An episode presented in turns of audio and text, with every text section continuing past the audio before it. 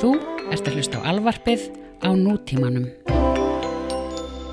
Hefnendunir eru bóð er Hefnendunir eru í bóði Nexus Nexus fyrir þig og þína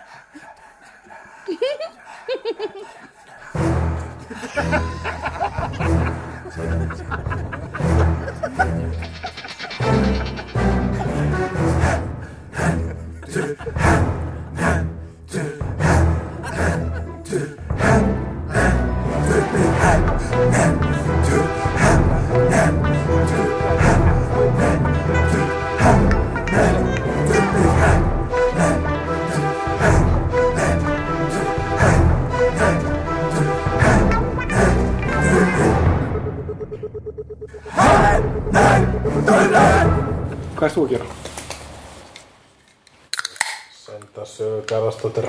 hvernig á að díla við díla við umræðina í dag.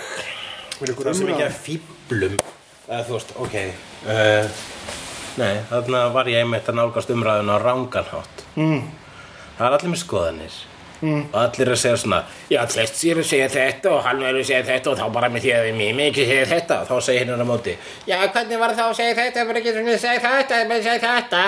Og svo er sko einhvern veginn sko, það er bara Það eru allir að kalla hvora aðra annarkvort réttlætisrittara eða kallrembur eða e,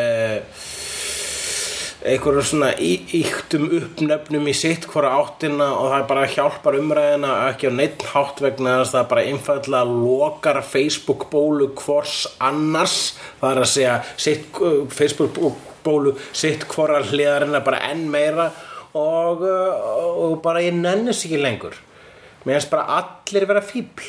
Snýst um Stefán kallaða Æ, ekki einu sinni reyna að koma með nöfn hingað sko. Ég veit ekki hvað Stefán Kall sagði. Ég sá bara e- e- einhvern miðlinn segja, setja fram uh, hérna uh, andlitin á uh, uh, The Usual Feminist Suspects. Já. og svo Stefánu Kall, Kall, Kallmanni Stefánu Kallmanni mm. uh, þangað á einhver grein og svo bara svona og, og basically sko þessi fjölmiðlar, þessi netmiðlar þeir þurfa ekki einu svona að segja ræðið. Já. það er mest óþálandi típan a, og þá er mikið sagt á Facebook er típan sem segir bi bi bi bi bi bi bi ræðið Það- það, er gaur sem að setja sig í svona rómverskan keisarastól og kasta svona málbeini til óðsmúksins og er svona ræðið skemmtið mér. Hugsaðu- og það er hugsaðu það sem, að, sko, og það, er sem þessi netmiðlar og það sem að þeir eru að gera þeir eru basically að setja það í eitthvað svona uh, svo semi-virðulegan pakka ekki eins og það virðulegan pakka og svo bara svona, vera allir óðir og byrjar svona að koma með sína skoðanir. Og svo mér er svo sko, þeir sem allir ekki að taka þátt í umræðinni þeir koma svona eftir umræðin búin að vera í svona tvo daga mm. þeir koma með svona langan stað og segja já nú er fólk búin að vera að tala um þetta hérna og hér er það sem ég hef að segja. Eh, ble ble ble ble ble ble ble það er nákvæmlega sam og allir aðlir eða bara raunin það sam og margir aðlir hafa sagt neða bara í fleiri setningum. Me me me. Ræðið ég bara er svo leiður á þessu en ég hefa samt svo gaman að þessu á sama tíma. Já. Málega er það að ég er búin að temja mér alveg rosalega góð ráð. Og ég er ekki að þykist að það eru betri en aðrir. Þú bara ræður um þetta í podcastinu. Ég ræði með þetta í podcastinu vegna þess að í podcasti allavega þá er hinn hinn ómissandi hl- hluti af umræðu sem að er nefnilega vantar í umræðina ironically, það er rattblærin. Vegna þess að ég get notið grínrödd, ég get bara æstur, ég get afsakað mig og ég get, ég get bara, ég get bara búls, maður getur búlsitt eins og mikið á vill í podcasti. -hmm. og, og það er ekki uh, uh, það er raun einu döð, döð, döð, döða dómira sem hættir að setja á það sem að segja í podcasti er þegar það er tekið úr podcast samingunu og sett í prent og á netið það sem fólk getur verið svona no þessi ég held að og ef maður tekur þátt í umræðu á Já. prenti þá er maður að drepa sitt ei, sín eigin rök -hmm. svona á maður að sleppa því nema maður finnur ykkur leið til að vera óumflýjanlega sniðugur. Og þess vegna er mjög sniðut að vera með hérna, uh, svona spýtukalla. Okay. það sem að fjarlægir það sem að hefur sjálfur að segja og setur það í munn spýtukalla. Mm -hmm. þú veist, hver, það er ekki hægt þú, þú, ef eitthvað fyrir að rífast um spýtukalla þá er hann að rífast um spýtukalla og þá verður hann hálfviti fyrir veiki uh, en uh, ég er búin að glemma hvað ég ætla að segja og það er líka skemmtilegt. Já, ég hérna um, Ég veit eiginlega ekki við hverju, hvað, hvað ég ætti að bæta við þetta. Þetta er, þú, þú helst þarna ansinn langa eirtölu um þetta. Já, takk fyrir það. Uh, Er að velta þið fyrir mér vegna þess að þú veist, ok ég, ég, ég, Það sem ég veit, veit ég á afspurn eða, eða með því að lesa fréttir um Já, ok. það mál þarna. Erum við að fara samt að tala um það? Það er samt forveitilegt Já. Vegna þess að það sem hann segir er það að hann er sem sagt að fara að halda stand-up Já.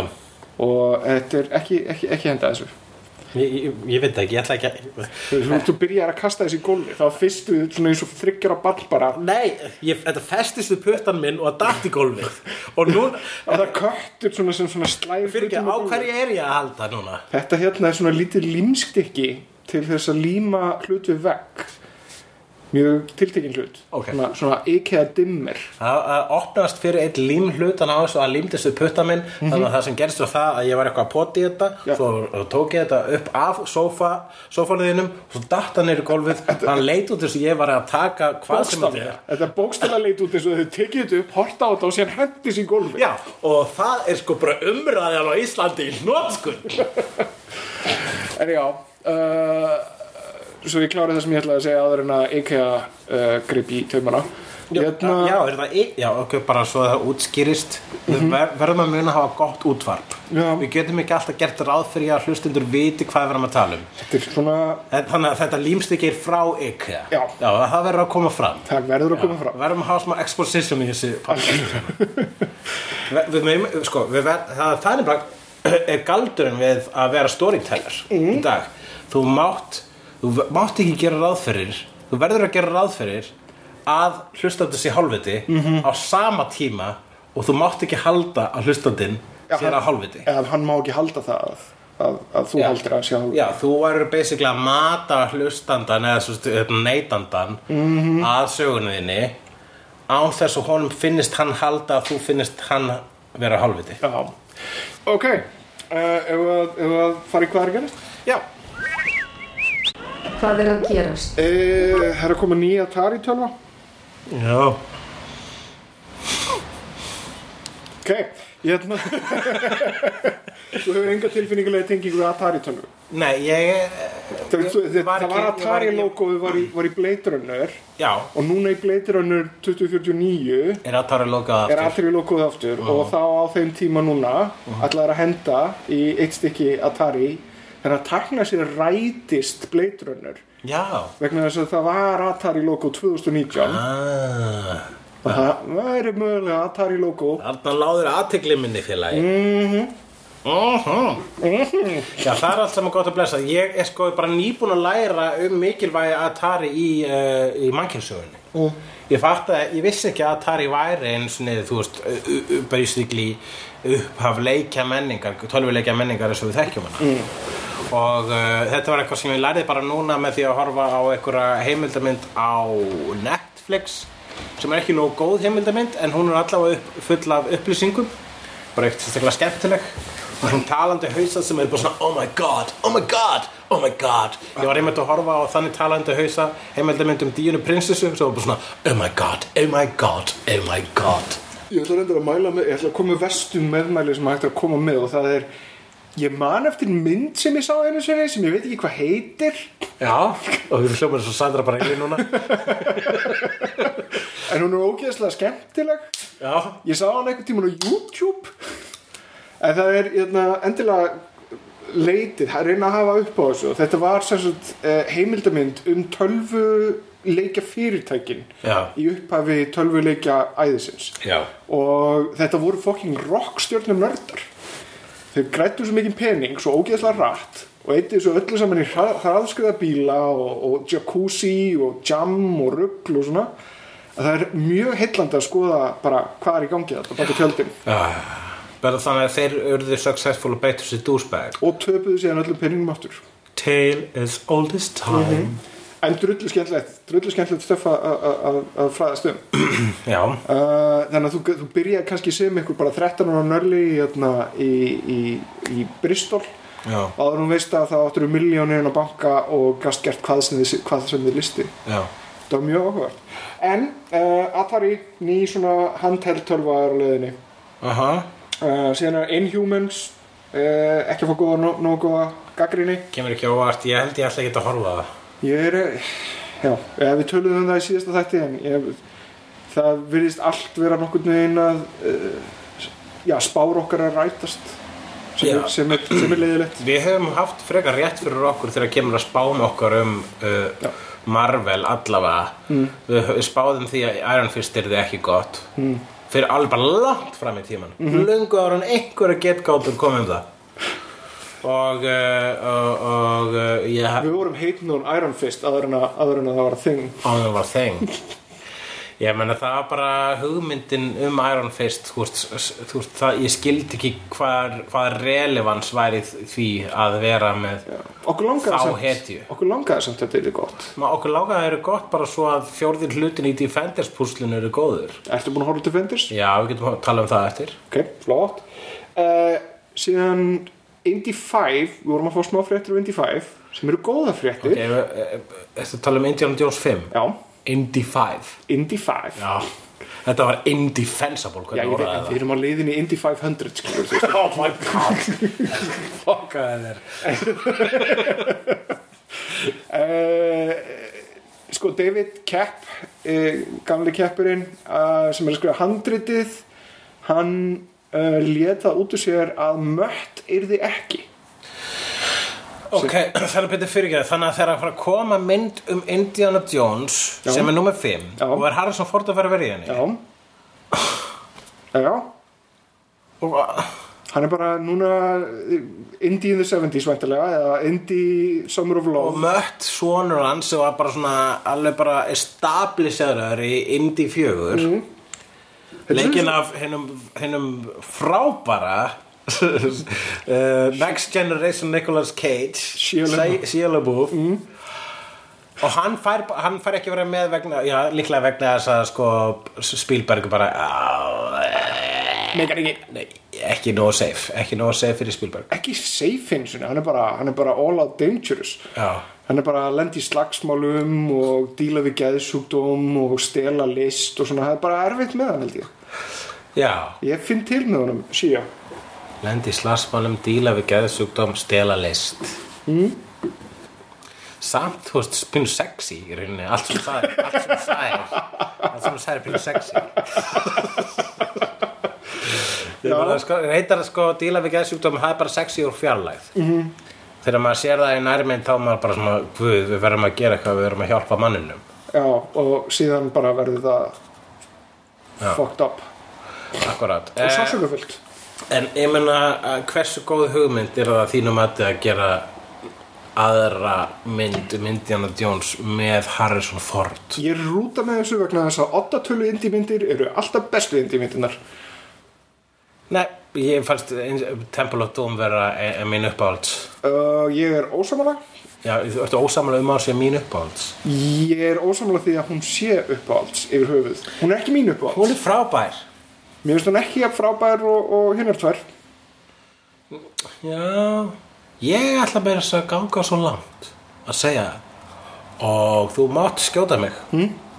að hún sé að Doom sé betri en Raiders. Bullshit, La la la. Raiders. Doom er betri en Raiders. Hún er það í Slagar. Vegna þess að actually pínu Það gerist bara svona lítið í Raiders. Það er horfað? fucking fullt Það er rosa lítið, það er svona tvö actionatriði henni hún slagar upp í það að vera hinn fullkona bíómynd. Já, en hefur ykkur tíma kannað kenningunum um það að, að, hérna, að Indiana Jones er óþarfur í Raiders? Já, ég er ósamla Já, ertu ósammála en hefur kannað á kenningunum heldur að bandarækjumenn hefur komið höndunum yfir þessa kistu, ég menn þú veist nasistandinn hefur bara komið og hýrt, Ok, hér nefnilega er, hýrt bráðinu, bráðinu félaga sína Tölum og aðeins um kistuna Raiders of the Lost Ark já, Hérna, það er uh, svo kenning er til og hún varð vinsæl svona globally þegar að þessi kenning uh, leit dagsins ljós í hinnum uh, mjög svo vinsælu þáttum Big Bang Theory. Mm. Big Band, Big Bang Theory. Ok, uh, þar sem að uh, Amy Farrah Fowler kærasta Sheldon Cooper bendur honum Sheldon Cooper á það eftir að hann er búin að neyða hann til að horfa á Raiders eins og kærastar gera við kærastur uh, þeir eru svona horfðu á mitt uppáhalds og þú sért mér, mér sambærileg. Margar kær, kærastur nördar lenda í þessu að, hérna, að, að, að, að nörda kærasta þeirra neyða þær til að horfa á sitt uppáhalds svo að þeirra sambært getur verið fullkomnað. Það verður ekki fullkomnað gegn kynlífi eða hjónaband, nei, með því að horfa á rétta sjóastáttinu eða myndina. Við hefum þetta rætt þetta áður en, Já. ok. Jú, jú, en það, það er ekki fyrst skiptur sem ræðum eitthvað tvisar í hefnundum. Þetta er eitt stórt rí Hefnundur er eitt stórt repeat, repeat, remake og reboot. En hérna Og uh, uh, Já Og þar kemur svo kenning fram um það að allt sem á sér stað allt sem gerist í Rangers of the Last Ark mm. fyrir einmitt uh, The MacGuffin all, allir sögutráður uh, uh, titil hlutarins sem er tínda örkin það hefði allt saman gerst uh, hvort sem að uh, Indiana Jones hefði skipt sér að eða ekki mm. og þetta er góð kenning ég kanna þessa kenningu mm. Og komst að því að nei, hún, á, hún er ekki alveg 100% rétt.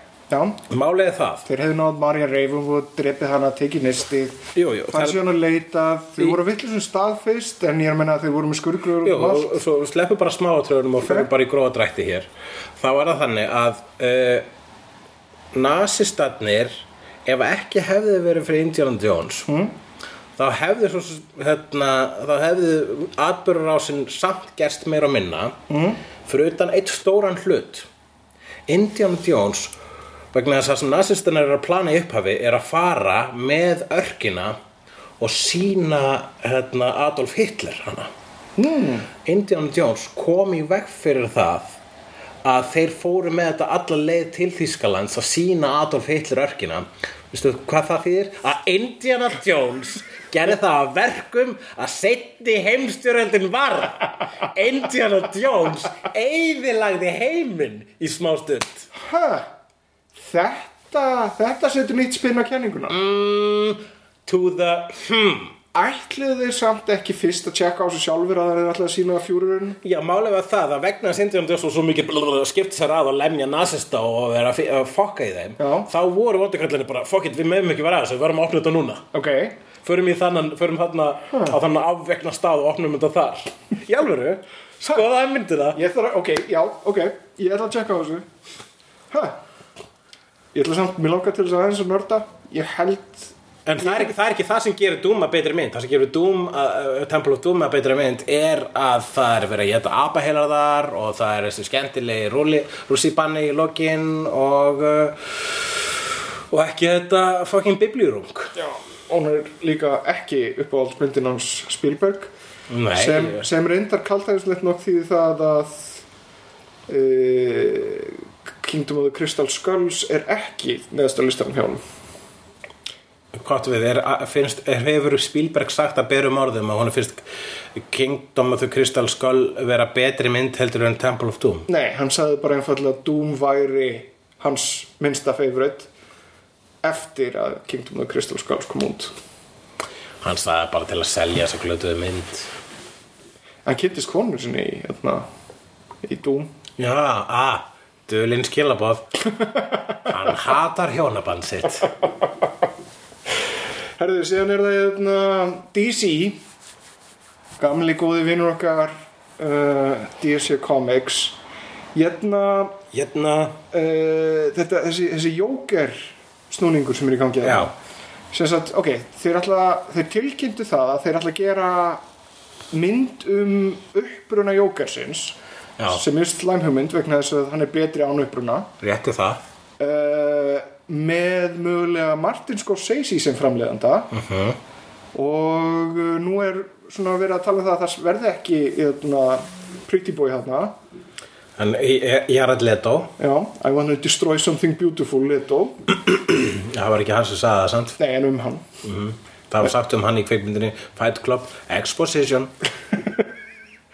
Uh, heldur, heldur mögulega Leonardo DiCaprio í hlutverki Jókersins ég er búin að vera að pæla í ok, þessu. það er, búls, það er ógeslegt, það er hræðileg hugmynd. En ég er búin að vera að pæla í þessu. Ég held að þetta sé jafnil annar hlutur. Ég held að það sé, ég að sé smá tvist þarna á leiðinni vegna þess að upprunni Jókersins á sér lengri sög og það er The Man Who Laughs.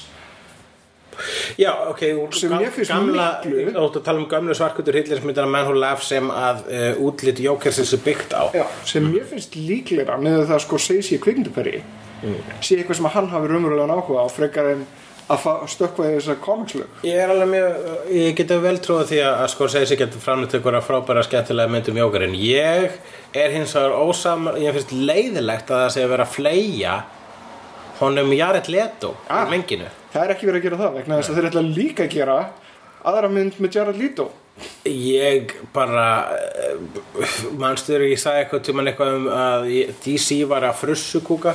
Já, Þetta er frussukúkur. Þetta Bara- er, þetta er total frussukúkur út um allan, allan veg hérna, á gólfið, á speilin þeir eru bara að gera alls konar. Eru, sturtuna. Ég finnst að þeir ættu bara að sleppa því að vera með eitthvað sameiginlegan hérna ofurrýtju heim ef þeir allar síðan að bara hafa fullt af hliður, hliður ofurrýtju heimunum kantinum já, ég held að þið séu nefnilega svolítið bara að gefast upp á þessum saminniða og ofurheitju heim. Já, Wonder Woman uh, is bringing them together. Já, og síðan ætlaði að gera Batman mynd sem er ekki hluta af stóra heiminum, heldur sjálfstæð Batman mynd. Ó, jésús, ég meina, þú veist, að Kevin Feige sem maður sem að skap, sem að er hérna Gaf Marvel sem- vangi sína. Sta, Stan Lee Cinematic Universe. Marvel, Marvel Cinematic Universe. Sem sé maður sem að skapaði þetta fyrirbæri sem er, sem er mest successful fyrirbæri í kvikmynda yðnaðanum í dag. -hmm. mér finnst það svolítið skrítið að DC skul ekki vera að herma. Jeff Jones er núna búin að taka við af, af Já, og þeir eru með og- DC Extended Universe eða Cinematic Universe En þeir eru alltaf ekkert að gera, þetta er voðalega, sko, mér finnst reyndir eins og, ok, þeir eru með home run með Wonder Woman. Loksins þá komið þið með almennilega neglu. Myndin virka vel, hún er góð, hún er inspirerandi, hún er töff og cool og vel, vel framkvæmt. Hún er fín fyrir utan þriðja aktið Nefna hvað, hún er núna held ég að slið upp í það að vera fyrta tekjuhæsta myndin í bandaríkjunum Já, uh, og er komin, er, er hægt og bítandi að fara fram úr uh, flestum Marvel myndunum Já. í tekjum. Hún er eitthvað búin að fá að vera í bíó í alveg sjúklega langa tíma en, en, en það er líka bara alveg, alveg fólk sem vil sjá hana þá. Uh, sko þeir ættu umverulega að ríst búta myndi ég segja DC heiminum. Hreinsa aðeins út þetta, þetta, þetta uh, sakloft og byggja það á Wonder Woman og láta Wonder Woman vera kjarnan en ekki Batman eða Superman. Já það er rosa góð hugmynd. Ég held, ég held að það var bara eitthvað sem væri obvíðusli bara að gerast.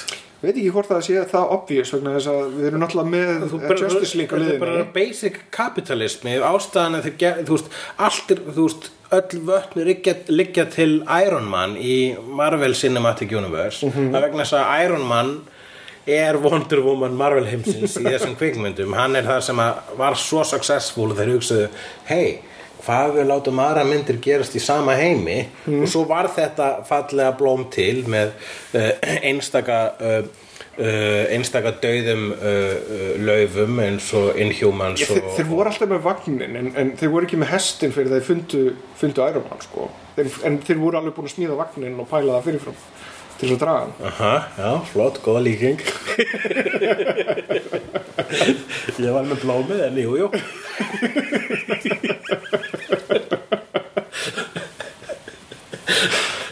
Já, ok. En allavega, þannig að þær eru að fara að gera það. Þannig að þeir eru að fara að gera eina jókurmynd sem eru ekkert að gera með Batman myndina og þeir eru að fara að gera aðra Batman mynd sem er hugsaðlega ekkert að gera með hina Batman myndina og allir eiga að vera hei, e, byrju, þetta er ekki Ben Affleck en er þetta samt Ben Affleck, byrju, ok, ég er eitthvað Leto eða Leonardo DiCaprio. Leonardo DiCaprio hjóra 60, who cares? Já. En ég held að það verði aldrei eitthvað svona hluta Cinematic Universe eða gera þetta, þetta verður standalone eitthvað Já, hér er það sem að svona, þegar öll er að botnum hvort þá bara, þá bara er svo lengi sem að fara góða standalone mynd þá er maður þannig sér sáttur mm.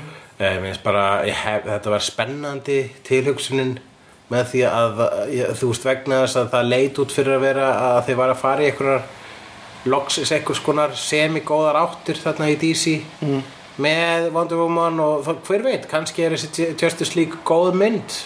Ert þú eitthvað búin að- að að fara í hérna Last þú mm, hérna uh, Watchmen spin-off komikinn? Nei, uh, Núna er Watchmen farnir að púkast inn í venjulega DC heiminn já, ég finnst það glatað En það er bara ein, einhver sem fordumum byggt. Kannski er það ógeðslega vel skrifað en sem sé í myndasögunum þá er verið að láta Watchmen heiminn blandast við uh, official DC overröðu heiminn nema það að Watchmen heimurinn eh, hann uh, pointið tilgangurinn með þeim skrifum var hvað ef að overhittur væri til í raunverulegri heimi Ætlaði, heldur en DC bara í en raunverulegum ætlaði, heimi ætlaði Arla Moriki fyrst einmitt að bara skrifa þetta með DC heitjum Hann ætlaði að gera það Það var áður en hann hugmyndin. lent- hann, sko, hérna, uh, Dr. Manhattan átti að vera The Atom mm. og uh, og ég held að uh, kannski er rangt hjá mér en það ég held að Night Owl átti að vera Blue Beetle mm. og hinn eru þessi karakter hann ætlaði að gera svona ma- mannlegt rama úr þessum hinum og þessum DC karakterum og síðan þegar hann kom Var það- Rorschach þá Batman? Uh, ég man ekki hvort að það var Batman eða eitthvað annar. Ég er of langt sín ég las mér til um það. Þetta var allt saman uh, bara á, á blúprinti hjá hann þegar hann fór með það upp á skrifstu og DC og DC sagði nei þú mátt ekki láta hetjunar okkar gera svona. En fólk fíla það sem þú ætti að gera. Hvað með að þú gerir bara eitthvað orginal í þínum eigin heimi? Og þá náttúrulega var svo fegur til sem var Watchmen með að láta að vera uh, standalone sögu í þeim ofurut í heimur sem það gerist í sem er ofurut í heimur sem að, sem að ofurhetjur eru ekki til -hmm.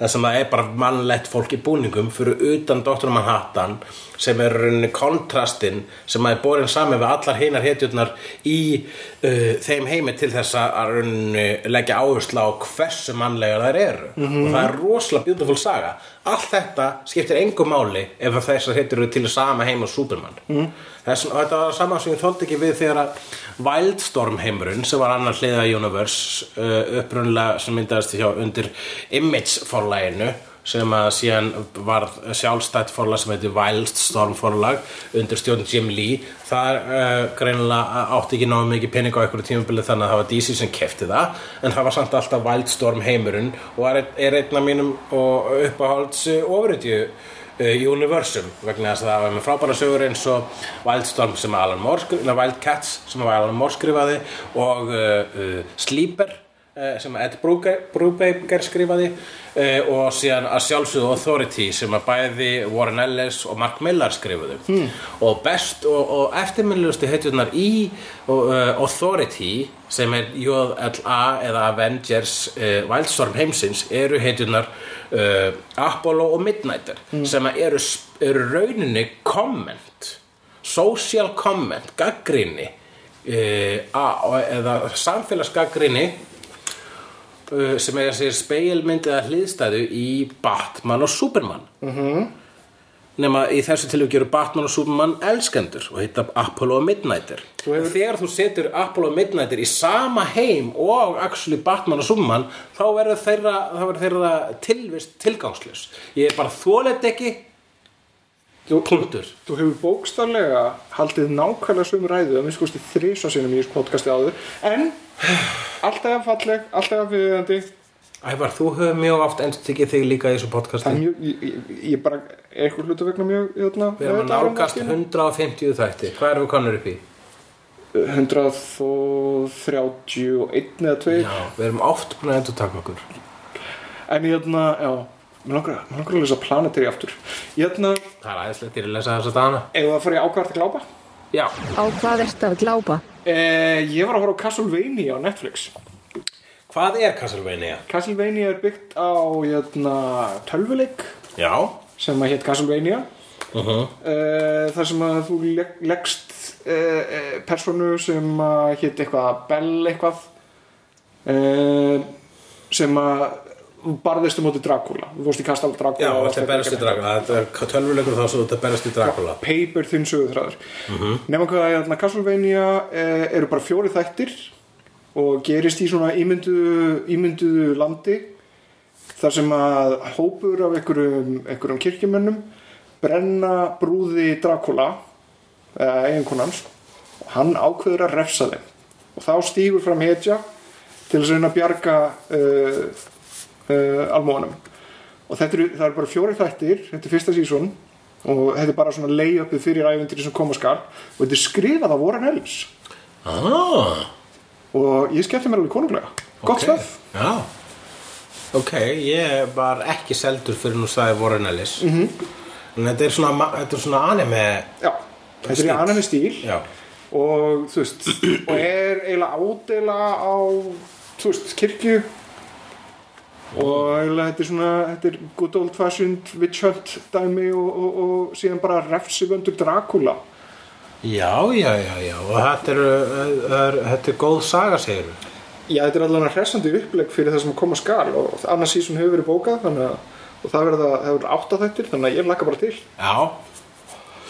Ég var að horfa á Hercules The, uh, The Adventures of Hercules 2 sem held ég sé frá 1984 eða 5 Er það myndin með eðna, Arnold Schwarzenegger? Nei, Arnold Schwarzenegger var bara í mynd sem hétt Hercules Goes to New York eða hvað líka Já, og hún hefur ekkert að gera með uh, óskildar myndir með öllu Já, það kom annað Hercules franchise Ok. sem byrjaði 83 og setni mynd kom 85 held ég eða allavega það var þarna fyrir hluta þess áratugs -hmm. Mhm. og þar er eh, eh, eh, hérna, maður sem hefur deilt eh, sviðinu með bókstallega Arnur Svarsnegur Ok. Sem er Lou Ferrigno. Eh, Lou Ferrigno sem að eh, margir þekkja sem Hulk úr 80s þáttunum um Hulk. Þar sem að einhver leikari sem að engin mann hvað heitir e, breyttist í Lou Ferrigno grænmálaðan Lou Ferrigno Lou Ferrigno er maður sem að uh, reyndi að vinna titilinn af uh, Mr. Universe titilinn af Arnold Schwarzenegger í henni frábæru heimildamynd sem ég var einmitt að horfa nýlega á Netflix, Pumping Iron sem ég myndi ver, hún lendir alveg á topp 3 Schwarzenegger mynda hjá mér sko Ok. hún er alveg æðisleg vegna þess að kem, þar, þar er nokkur ljóst að Arnold Schwarzenegger er sjarma tröll mm. því hann er tröll og hann er með sjarma. Er það ekki að tala um að reykja gras í, í, í ég man ekkert hvort að hann er öruglega verið að tala um það. Já. Áttu við, áttu við? Nei, mér myndi að ég hef séð ykkur klippu úr Pumping Iron þar sem hann hefur verið að þar sem hann var að tala um það hvað er næs að reykja gras. Já, já, æ, það er ekki allir gras. Það er ekkert merkild lengur. Mm. En allavega uh, Og hérna Og uh, Lúfrign og hann leikur þannan uh, Herkules Úr uh, grísku góðsögnunum Og ég hérna fann Blu-ray disk uh, Með þessari mynd The Adventures of Hercules eins og stóð framan á Blu-ray disknum Hercules. Hercules Ok. og svo set ég hana í Blu-ray tækið og svo kemur ljós að þetta er mynd nummer tvö ég þarf að horfa mynd nummer eitt ég sá að báða myndi þegar ég var lítill -hmm. það eru rosalega slæmar og rosalega skemmtilegar og rosalega faithful grískri goðafræði. Já. Huh. það eru bara sko, ekkit s- að breyta svo miklu. Mynd nummer eitt var vist þrautin og tólf en mynd nummer tvö er þegar hann er að leita af þrumuflegum safes Ok. fyrir safe og hún lítur bara út eins og og hún er, er hún dásalega takki ógeðslega skemmtilegar takki tæknibrellur og allt það. En það sem er líka aðteklisvægt við hana eiginlega það sem er langar til að ræða er að greið fyrir Ignó sem var ein af sympatískast verum kvikmyndarinn Pumping Iron vegna að það er maður sem er á öllu sínu hjarta að reyna að vinna Svarsnegar og Svarsnegar er ekki einn svona blásu nös þegar hann rústar öllum hinum. -hmm. hann, hann þarf ekki, Svarsnegar þarf ekki einn svona reyna í þeirri mynd, það er eiginlega eitt að það skemmtilega líka við það á mynd, en það að Svarsnegar bara svona veit allan tíman hann er að fara að vinna og svo vinnur hann og upp á sviðinu þá er svona smögg Svarsnegar, það sem hann svona já ég veit ég vann, ég manna byggust í alvöru við ykkur öðru, bæði vei ég nennist ekki lengur, ég ætla að vera kvikmyndastjarna sem hann og verður. En Lou Ferrigno er bara "Uh, ok, en hann alltaf sko veist, það er ekki eins að hægt að segja að Lou Ferrigno er loser vegna þess að hann fær sér einn fyrir hann verður hulk og hann er, hann tala fyrir hulk í fucking Avengers Já. alltaf þegar hulk opna munni það? þá er það Lou Ferrigno sem tala fyrir það Damn, ég skilst að hann gera það líka í nýju þórmyndinni Ha? og, og, og, og það, er, það finnst mér vera gott karma fyrir þann gaur Já. vegna þess að sko Lou Ferrigno, hann fættist heyrnalus Já, þannig að hann var, fekk ekki heyrnuna fyrir hann að hann var bara byrja, fyrir hann eftir hann læra að labba og eitthvað. Mhm. þannig að uh, hann uh, er með svona málgalla. From the Hippo. Ja. Yes, I love you. I really, really, og þvoglumæltur. Ok. En að það virkar fyrir hull Það virkar fullkóla fyrir hull Já, en það virkar ekki fyrir Herkules þannig að þegar þú horfir og ég var svona að reyna að hlusta á eftir hvernig hann Herkules talaði í þessum gömlu 80s myndum.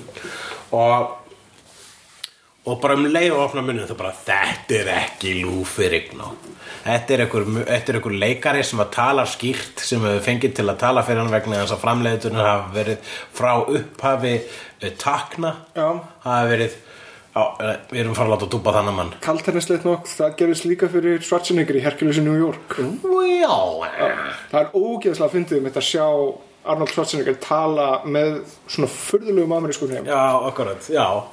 Já, þetta var náttúrulega bara eitthvað sem skipti ekkert máli þá daga, sko Já, það hafði enginn heyrt þá tala áður. Nei, og líka bara svona, svona cheap lausnir í kvikmyndum, sérstaklega B-myndum, það bara skipti, það var ekki Mér finnst það mitt að Í, við í mættum dag eru B-myndir A-myndir þannig að fólk leggur meiri metnað í þetta og reynar að fela svona hluti betur. Mér langar til þess að fólk hætti að fela þetta. Ég held að þetta, að sé skemmtilegt touch.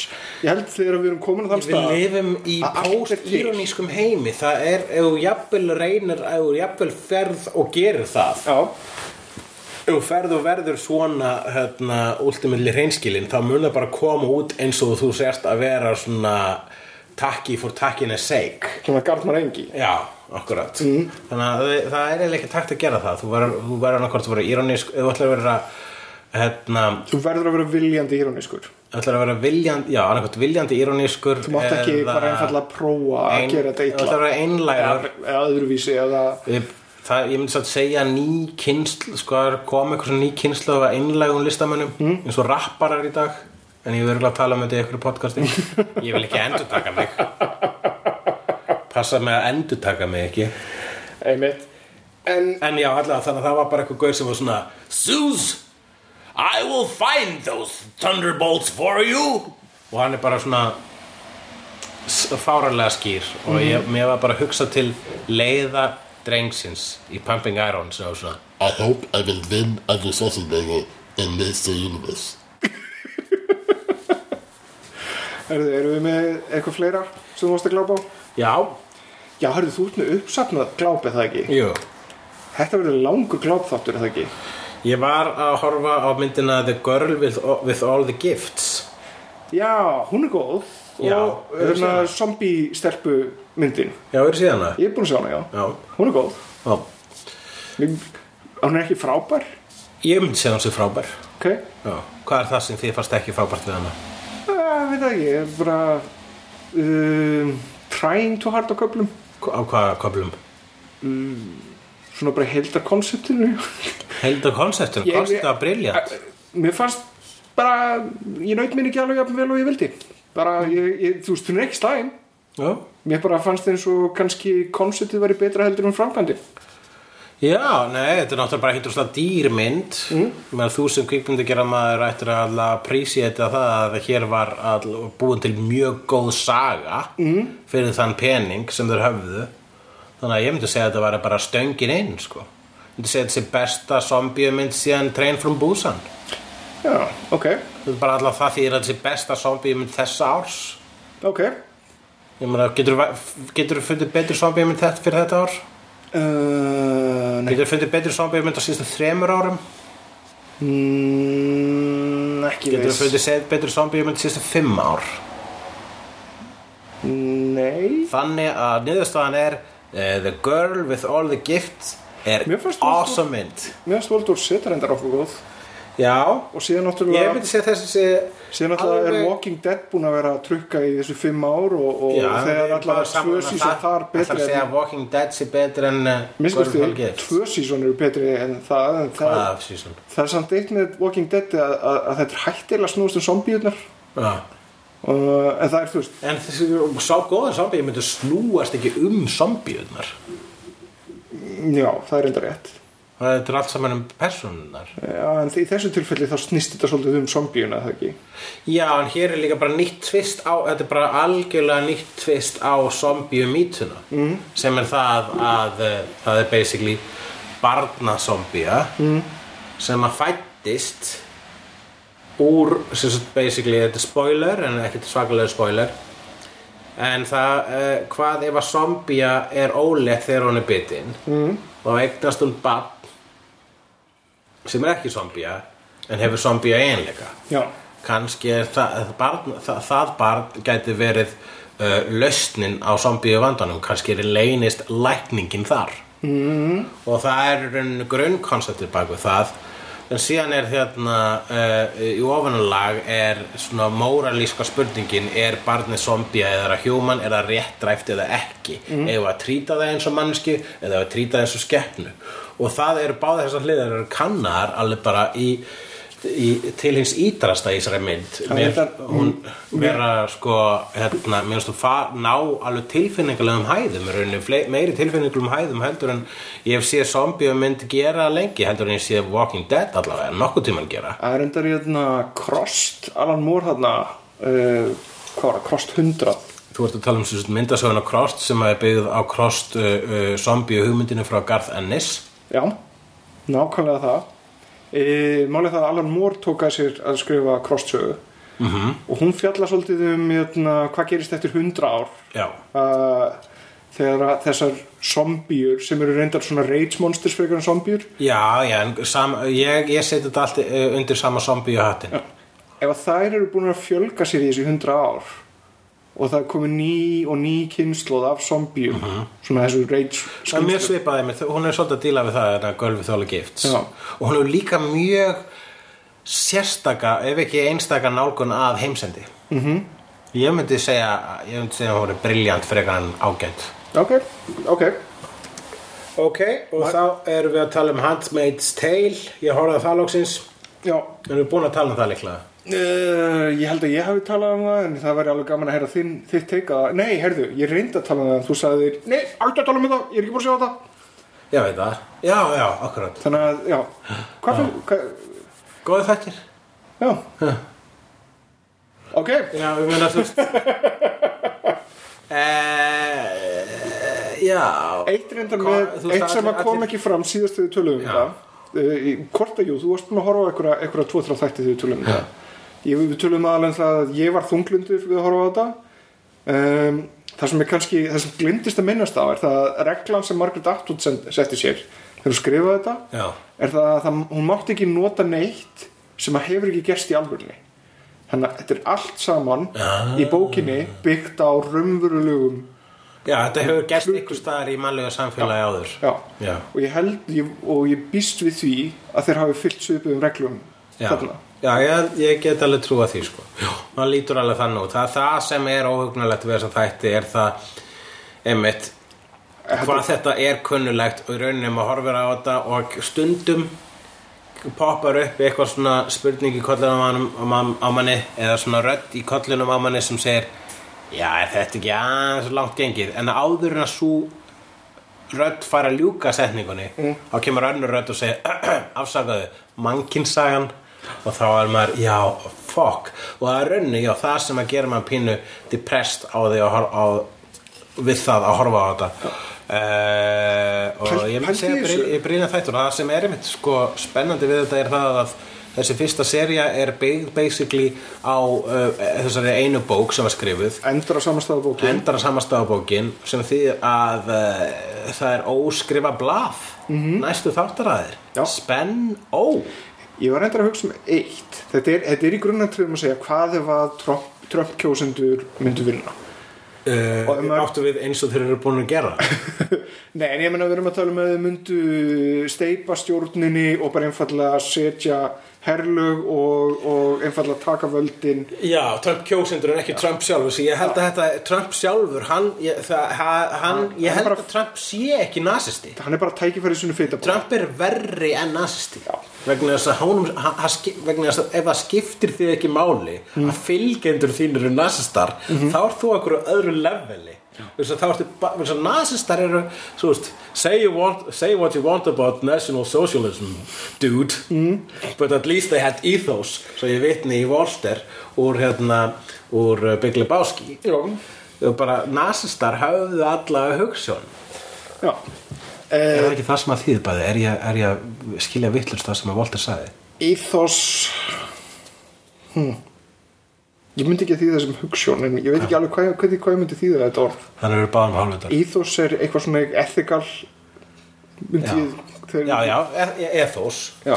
Það er það sem að, að það, það, sem, er, sem er ekki alveg byggt lýsingin yfir Ef við að googla þetta Nei, Viltu ekki, viltu ekki vita þetta? nei, Íþos nei, í, bara Google, við verðum að Er er, það ekki vinnuvit? Eða svona verkvit eða svona vinnusemi? Já, að vera eljusemi? það myndi segja hugssjón myndi alveg passa, sko. Er það? Já, Eljusemi og vinnusemi er ekki að sama hugssjón ég veit ekki hvað elja er.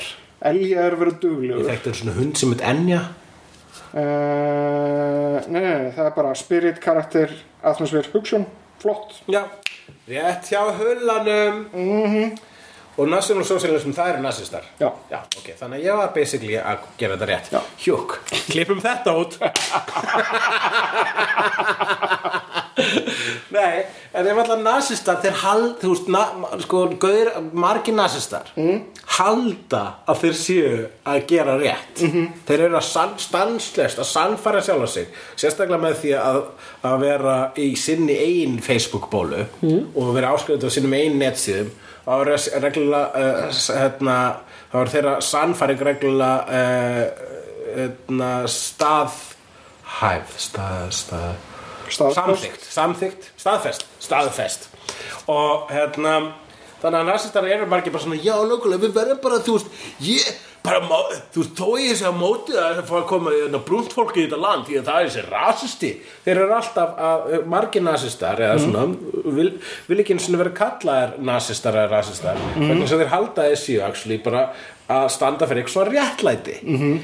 Trump er ekki þannig Trump er bara gauður sem bara svona hvernig get ég fengið alla í heiminum til að elska mig mig hann er sko hann er teiknimynd Já. hann er skeletor mm -hmm. skeletor og hann hefur skýt sama um, sko, um alltaf hermennina sína og hvað hann stóð fyrir hann vildi bara ráða heiminum En, uh, hérna uh, Já, ég fór alltaf Hvor myndi vinna í slag? Trump kjósendur eða Hillary kjósendur? Hvað er Hillary kjósandi? Já, liberals. Bara allir sem að, eða Bernie kjósendur þess vegna, já, allir svona sem eru, sem eru vinstra megin við miðju. Allir sem vilja svona sósialisma Allir sem vilja vera svona friðsamlegir. Bissur Trump kjósanda megin Þannig að hann má koma með bissur í slægin það má koma með byssur í slægin Já, ekki þá vinna Trump kjósundur þannig að þeir myndu vinna bara einfallega út á frekjuna jafn út að þeir séu færri. Ég held að sé meira ofbeldi í þeim. Já. Það séu, þeir, já, þeir séu æðar í því að framkvæma ábyrði Já, já, og, ég- meira, og tilbúin Ég myndi ekki segja að það sé uh, violence on many sides Many sides. Ég skil þig. Já, Nei, hvað heldur þú? já ég, held að, ég held að þið myndi alveg potið vinna ég held að þetta, það er það sem ég óttast. Er það ef, að, ef að honum verið styrt afstalli Já, en ég held að góði vinna. Já, en menning, saga mannkynsins hefur, hefur ekki verið að sína fram á mikið af því og þess vegna er einmitt Game of Thrones svona fallega raunsætt Ég held að góði oft vinna Síðan verða að vondir eftir eru búin að vinna. Já, en síðan eru líka bara fólk sem að var gott er eitthvað sem við höldum að sé gott en var bara nú að skrifa þannig. Já, áttu við að, hérna, að uh, Sagan skrifuð af síðuvörunum sagan skrifa á sigurvörum. Ég mani með því að ég var að tala um vandala. Mm. Sérst orðið vandals. -hmm. Og þá sagði þrándur frændi minn, já, það er ekki merkjum það að sigurveri að skrifa mannkjörsöguna. Vegna þess að vandalar voru bara einhverju þjóð sem lendi í stríði og töpuðu og núna er orðið vandals notaði við skemmdavarga. heil, heil, þú veist, þú veist, það að, þú veist, á, enska orðið yfir skemmdarvarga er basically eitt, eitt stór rasismi gegn útrýmdri þjóð eða allar þjóð sem er ekki lengur til með því nafni mm. sem heitir vandalar Já, eða kannski maður og vanda sig betur hei uh, Herðu, um, áður en við förum dýbra í uh, Trump-feinið Hérna Það er Mér langar- til mér langar hendin einni stuttri auglýsingu og það er það 19. september e, ætlum við að sína Battle Royale í húrra á húrra. Á húrra, meina ég. Klukkan átta. Og það er bú, þá er búið að auðlýsa það. Já, við getum kannski tala um hvað Battle Royale er. Já, eitthvað pínu, já. Battle Royale er basically Hunger Games, bara betra. Já, eða svona, hérna, hérna kemur brandara sem ég sá á netinu stutt eftir að Hunger Games kom út. Ok, You know what they call Hunger Games in Japan? Battle Royale with cheese. Það er. Battle Royale eh, er Hunger Games með auka ásti En ef við vilja sjá hrátt Hunger Games án fucking mjólkur án ekkur án nokkur mjólkurvara hafi komið nála því vegna þess að Asíubúr eru vist með mjólkurvöru óþúl. Las ég ykkur starf og ég vona að það sé rétt hjá mér því annars var ég rasisti akkur núna. Eða allavega ekki rasisti eh, meira svona óupplýstur ignorant eins og Michael Jackson myndi kalla mig. Ignorant. Og þá nú voru auðlýsingarna búnar. Ég sagði það hefði mátt ekki halda áfram. Ég sagði það aldrei. Ok uh, ég horfði líka á Preacher búin að horfa meira og meira á Preacher. Ég kláraði aldrei fyrsta sísón kláraði aldrei fyrsta season? Nei, ég hefði haldið áfram. Mér finnst Preacher vera eitt af skemmtilegast í sjóarp í dag. Ok, mér finnst það æðislegt. Alright það er bonkers. Ok, það er í rauninni sko það er það er svo merkið að það er svo ólíkt myndasögunum en samt svo líkt. Ok og það er fullt af hlutum sem, og eða bara megnið það sem gerist í þessum þáttum gerist ekki í myndasögunum. Mm. en svo er maður sko bara svona lokar augunum og ímynda sér að, uh, að hann Steve Dillon mm. hefði teiknað það. Þá er bara, já, þetta er alveg eins og Preacher-sa, þetta er mjög garð ennislegt. Ennis hefur einmitt talað um það að Þetta sé mjög ennislegt. Já, vá, ok, það bara, það staðfesti það enn fyrir mér það sem ég var að segja, þetta er, þetta er, eh, Ok. og, og, svo líka sko vegna þess að ég hafði smá ekki á því að þeir myndi ekki fara, að, þú veist, að sjóarp gæti ekki farið þá vegaleind í guðlasti og myndasöðuna gerðum, Já, þú getur glemt því. Ég síðasta þáttunum sem ég horfði á í þessari annara serju, hann fór alla leið í guðlastinu Já. og svo mikið að Million Moms, heitir það ekki það, One Billion Moms, eða eitthvað, One Million Moms. þessu. One Million Moms sem ég manna að skamstöðun er om, sem er einmitt ögugt við það sem þær standa vegna þess að þær er ekkert sérstaklega om Já, en þær eru alltaf Það er eitthvað að vera með læti út af ykkur og það er enginn sem tekur marka á þeim og ég held að þessu ekki einu svona miljón ja, en unnið er ekki eitthvað eitthvað tíman Nei, það er aldrei unnið. Nei, það hafa bara verið með læti og síðan, þú veist, síðan ekki sé myndir sem það vil ekki sé, sjá hvort þið er. Og allavega það er hérna uh, Jésús er representar á ekkert sérstaklega kristilegan hátt í uh, einu þættunum og uh, ég hef ekki séð Jésús representan kvikmyndalega, live actionlega á svona grottalegan hátt. Ok, og þá er sko og þá er einmitt ég ekki hann sko það, og þá finnst mér hann ekki einu svona fá slæma útreið. Já, en ég veit að fólk sem að eh, margt fólk sérstaklega evangelistar sem tilheyra þessari trú þau myndu móðgast þau sæðu þetta. Vegna þess að það á ekki að hugsa um Jésu í þessu samhengi. Mm. en hann er svo alveg sannlega í þessu samhengi í þessum þáttum. Og ég mæli indreiði með því. All right uh, Svo var ég að horfa Byrjaði ég að horfa á þeir nýju The Tick þættina. Já, ég hef búin að horfa á fyrstu tvo. Mhm. Ég, Þú ert ekki jafnjákvæður og ég. Ég, bara Ég sakna Batmanuel Já. Ég, uh, mér fannst Mér fannst Warbortum þættinir finnari Þetta er allt, þetta er allt aðri þættir og blessunulega ekki að reyna að vera galnu þættin en þeir eru framleitir af saman fólki. Já, já, já, ég ger grein fyrir því og, og, og hérna uh, Ben Warburton þættirnir sem að koma út uh, upp, í upphafi þessara aldar slóu ekki í gegn en þau voru mjög sniður þau voru uh, voru lástend uh, samfélagsádela þegar þau voru hvað bestir en þau endurst ekki fleiri en nýju þætti í mannrétt Patrick Warburton var æðislegur sem titil hlutverkið. Já, ég held að þeir myndi standa sig betur í dag. Já, jafnvel, en þetta var nefnilega eh, eitt uh, framleitur þáttar að kendu 9-11 um sem ég held að sé ekki fjari lægi fólk var ekki stuði fyrir þessa gerð af gríni þá og það er ekki eina skipti sem að eh, sjóasefni eða kvikmyndir eða jafnvel uh, og í einu, einu tilviki sem mann eftir uh, Broadway leikrit meikuðu ekki í kjölfar 9-11 vegna þess að fólk vildi fá allt öðruvísi skemmtun í stuttu eftir þau hriðverk vegna þess að allir voru bara óinu viðkvæmir Ég Man eftir að þetta var Vesturlöndum. tíma og hérna. Greg the Bunny var líka. Var, var, þetta, samt ekki alveg late 90s frekar en var þetta eftir 2001? Já. En um, það var framleitt fyrir 2001 en maður frumsýnd eftir 2001 Eh, ok. Og það er svona og og enginn áhuga að sjá á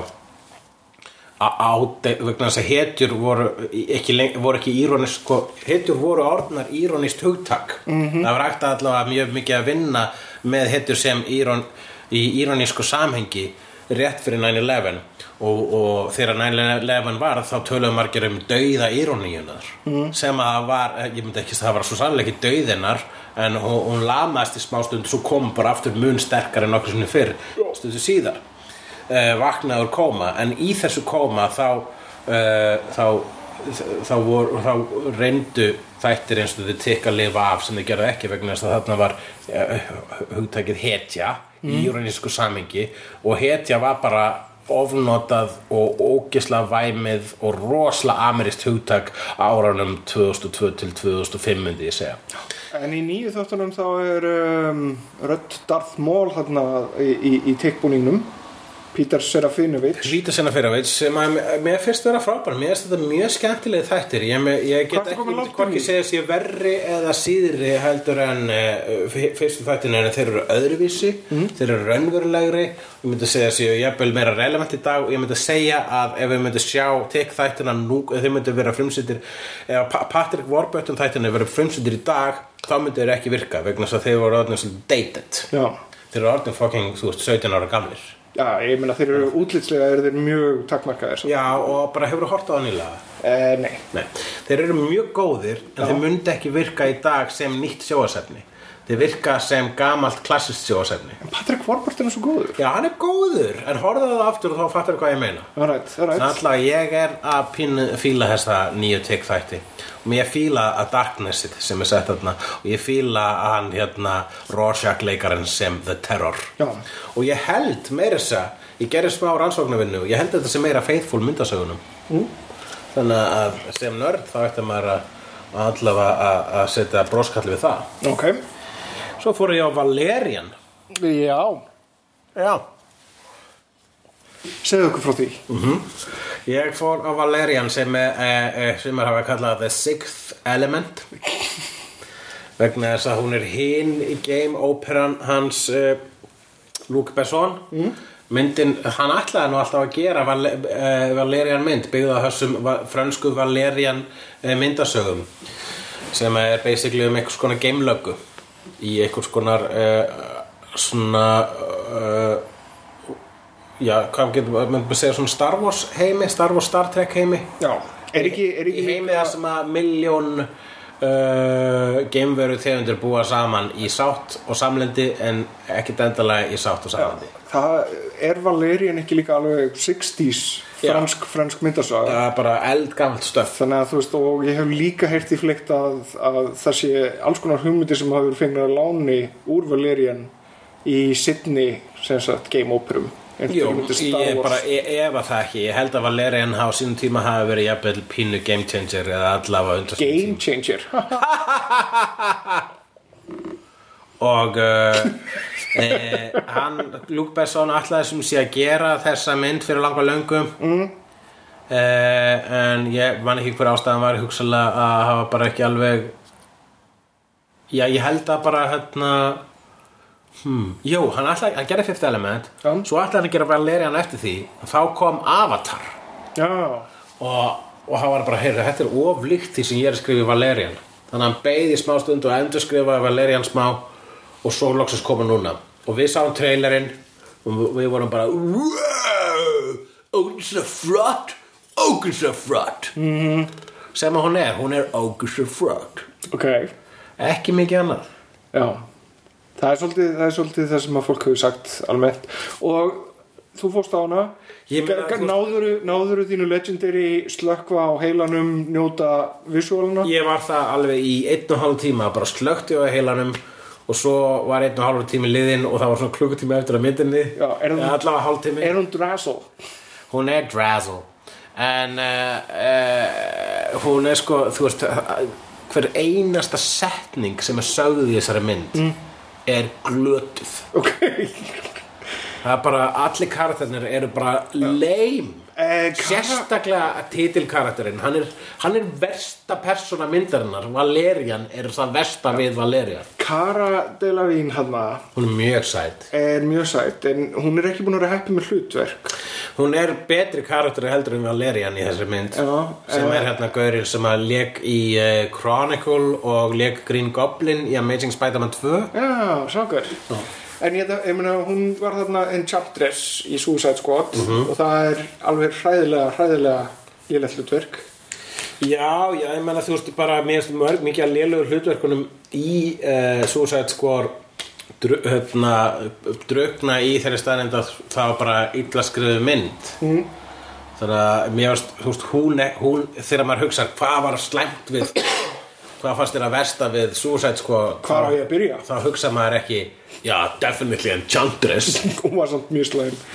Já, já, hún var mjög slæm hún var bara svo gleymanleg. Já, nákvæmlega, það það er Ég held að það sé versta syndin í bíómynd. Já, það er nefnilega sko ekki jafn slæm synd og það sem hann Valerian karakterinn var í Valerian Ok. sem var að vera óþólandi Já, sem að hann hefur aldrei verið svona aðlegandi þessi leikari. margt, sko. Eh, Í Chronicle þá var hann fáiði í, hann, Green átt- hann Goblin hann bara hafði ekki James Franco Sjarman mér finnst bara við Cronenwall ekki það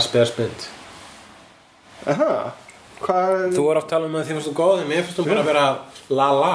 Ég sá hann í bíó.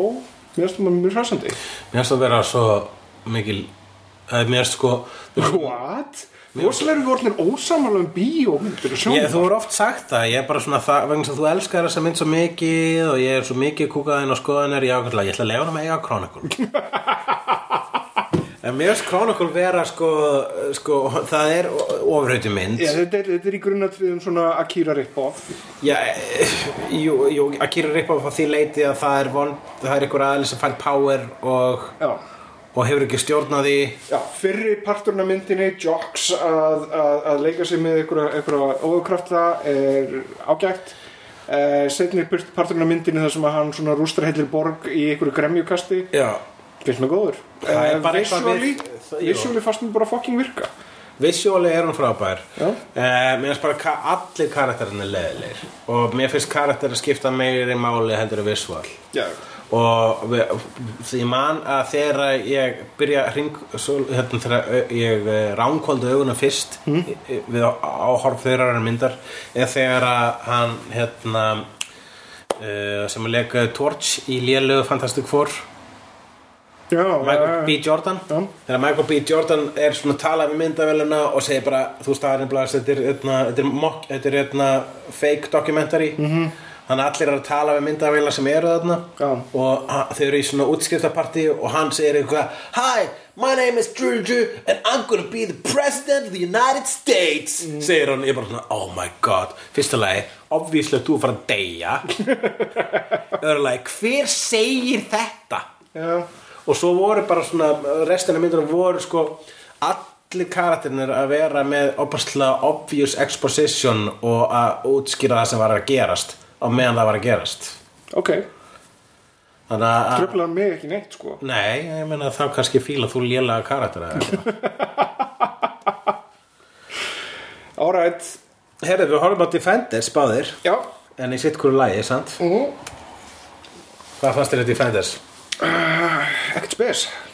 Ekkert spes, þú sagðir alveg allt annað síðast. Nei, sko málið er það. Það, það er uh, Þú ert nýbúin að horfa á það og nú ertu búin að melta það. Nei, ég sagði Ég sagði Þú eh, sagðir að það er mjög skemmtilegt síðast. eh, En það, er, það eru svona Það eru skemmtilegi kaplar. Mér finnst, mér finnst, mér finnst þér að- mér finnst þér að Luke Cage og Iron Fist eru saman. Það var fyrst skipt sem ég finnst Iron Fist virka. Uh -huh. uh, Mér finnst gaman að sjá sumarslægina þar sem þau voru að vinna saman. Já. Uh, Heildar koncept og heildar sagan fannst mér bara að fara að keira svolítið út í skurð. Þannig að heildina litið ekki það gott en partar innan í mjög góðir. Mér finnst þetta allavega, mér finnst þetta vera mjög skemmtilegt. Það var það sem ég vildi þetta væri og það var það allavega. Mér finnst þetta vera bara, eiginlega bara dröllu skemmtilegt. Ég horfði þetta allt í einum rikk sem að þýðir að mér leitist ekki. However, núna má þetta net, þessi Netflix Marvel heimur fara að hvíla The Hand sem vondakall. Mm. þess að frá upphafi hefur The Hand verið leðilegt fyrirbæri. Já. Mér finnst það boring. Mér finnst að, mér finnst að það er alltaf verið að tala um það sem einhvern veginn hættilegastu hluti í heimi svo þegar það er að fara þegar, þegar The Hand er konfrontað þá er ekkert svo erfitt að lemja þá. Og um, mér fannst uh, Sigourney Weaver vera góð en ekkert merkilegu karakter mm.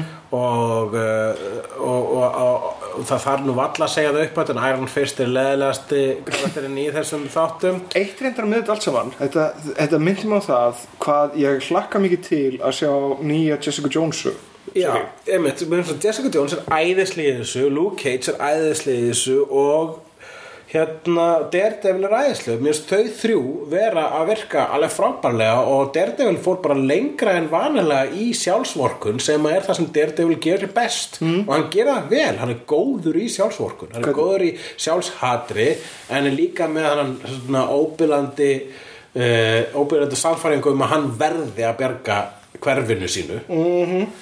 Þannig að mér fannst þetta að vera uh, fínasta viðbót í Netflix og kannski er þetta bara besta við að þeir eru ekki að slæmur á Iron Fist. Gleði hjarta minns gengur út á að eh, næstu tvær seríur sem að koma í þessu Netflix borki eru Punisher og Jessica Jones Já, ég hlakka til að sjá Punisher og Jessica Jones maður, já, þau eru næsta dagskrá. Mm -hmm. Æðislegt.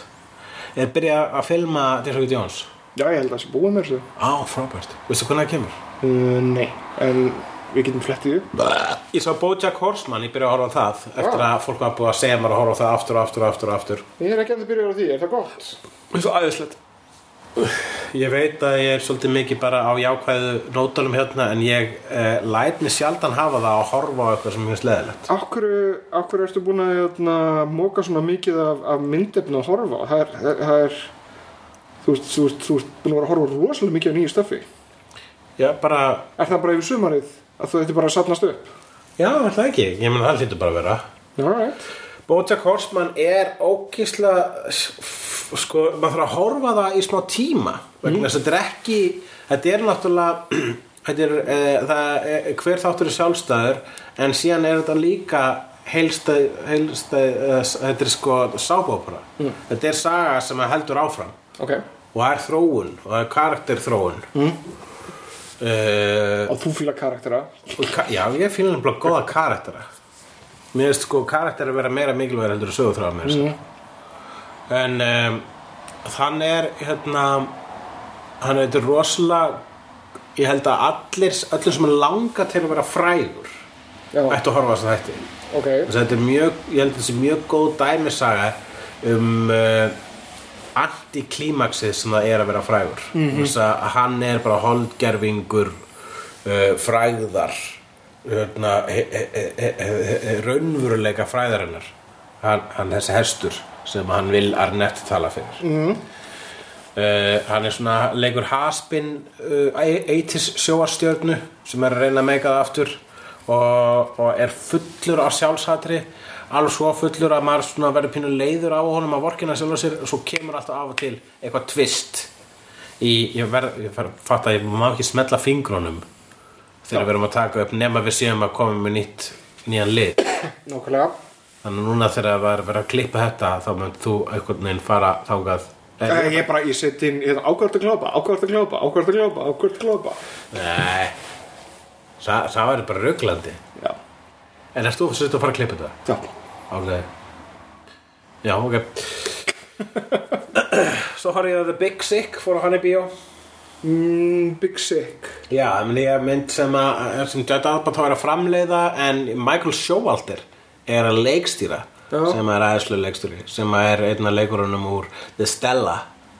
The Big Sick, er þetta myndin með Kumail Nanjiani og Emily sem að þau skrifuðu? Ég sem að Kumail Nanjiani og konan hans Emily skrifuðu. Já, Hvað heitir hún aftur fullu nafn hún Emily? eh, ég man ekki hvað hann heitir. Við erum lélegir. Ég, ég sammála því.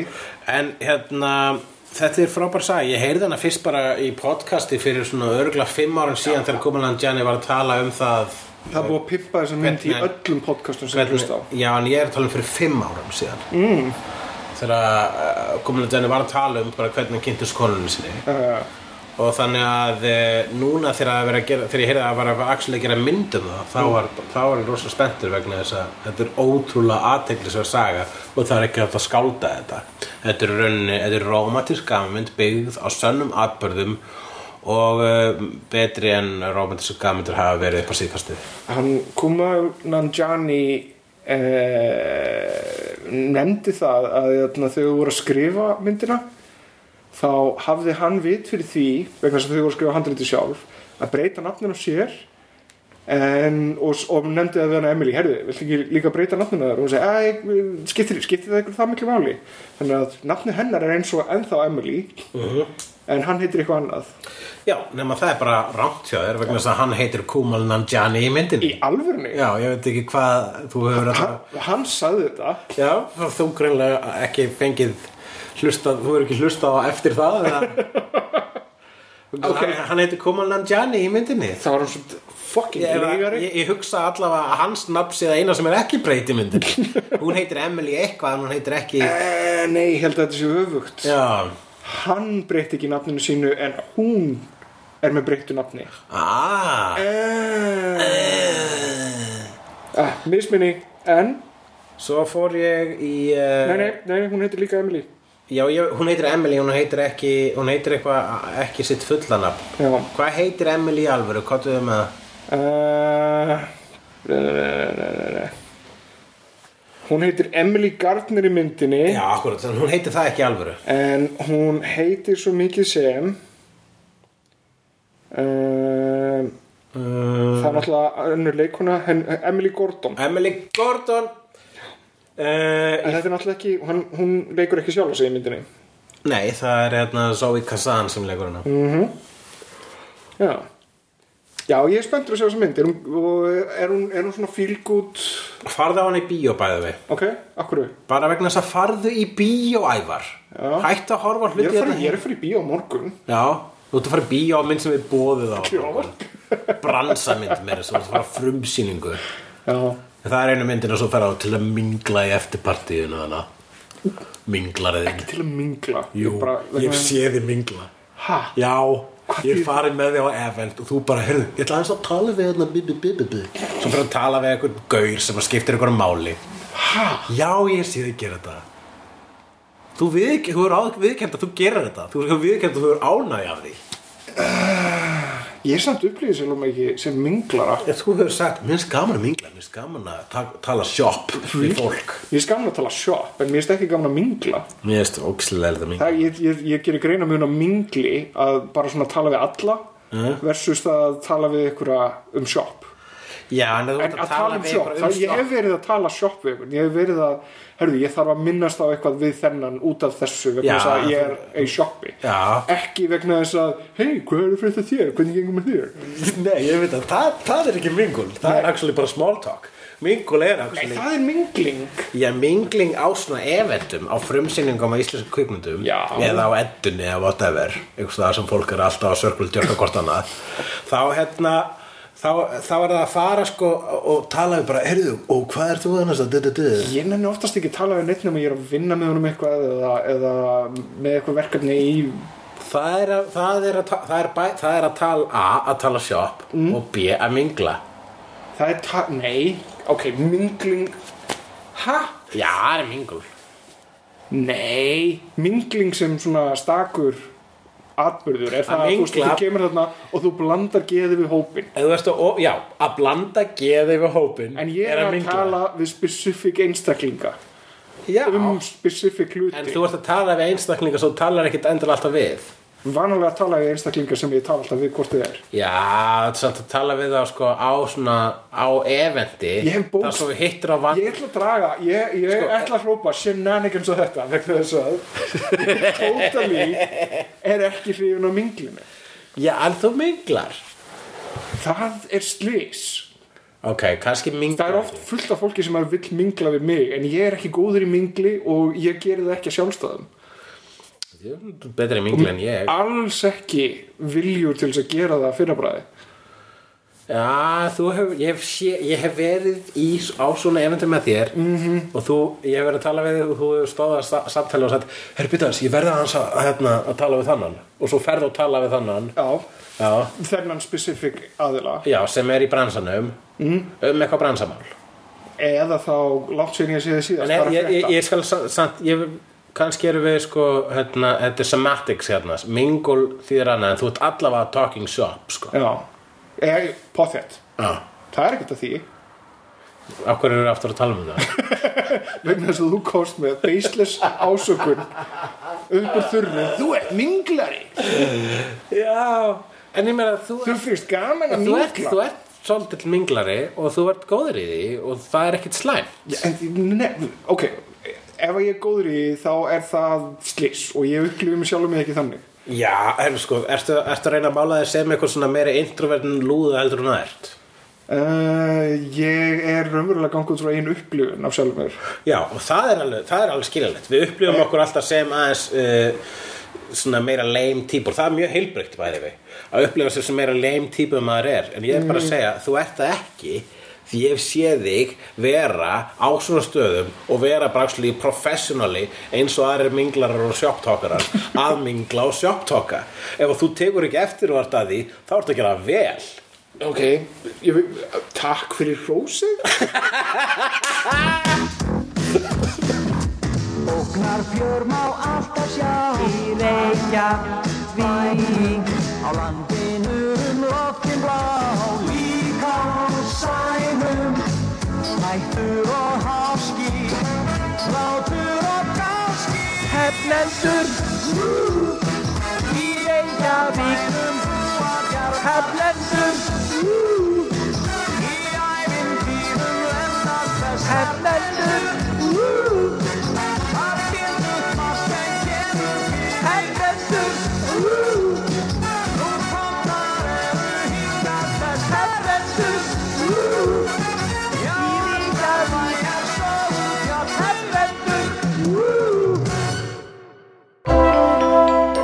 Þú finnur fleiri skemmtilega alvarpstætti á nútímin.is. Takk fyrir að hlusta.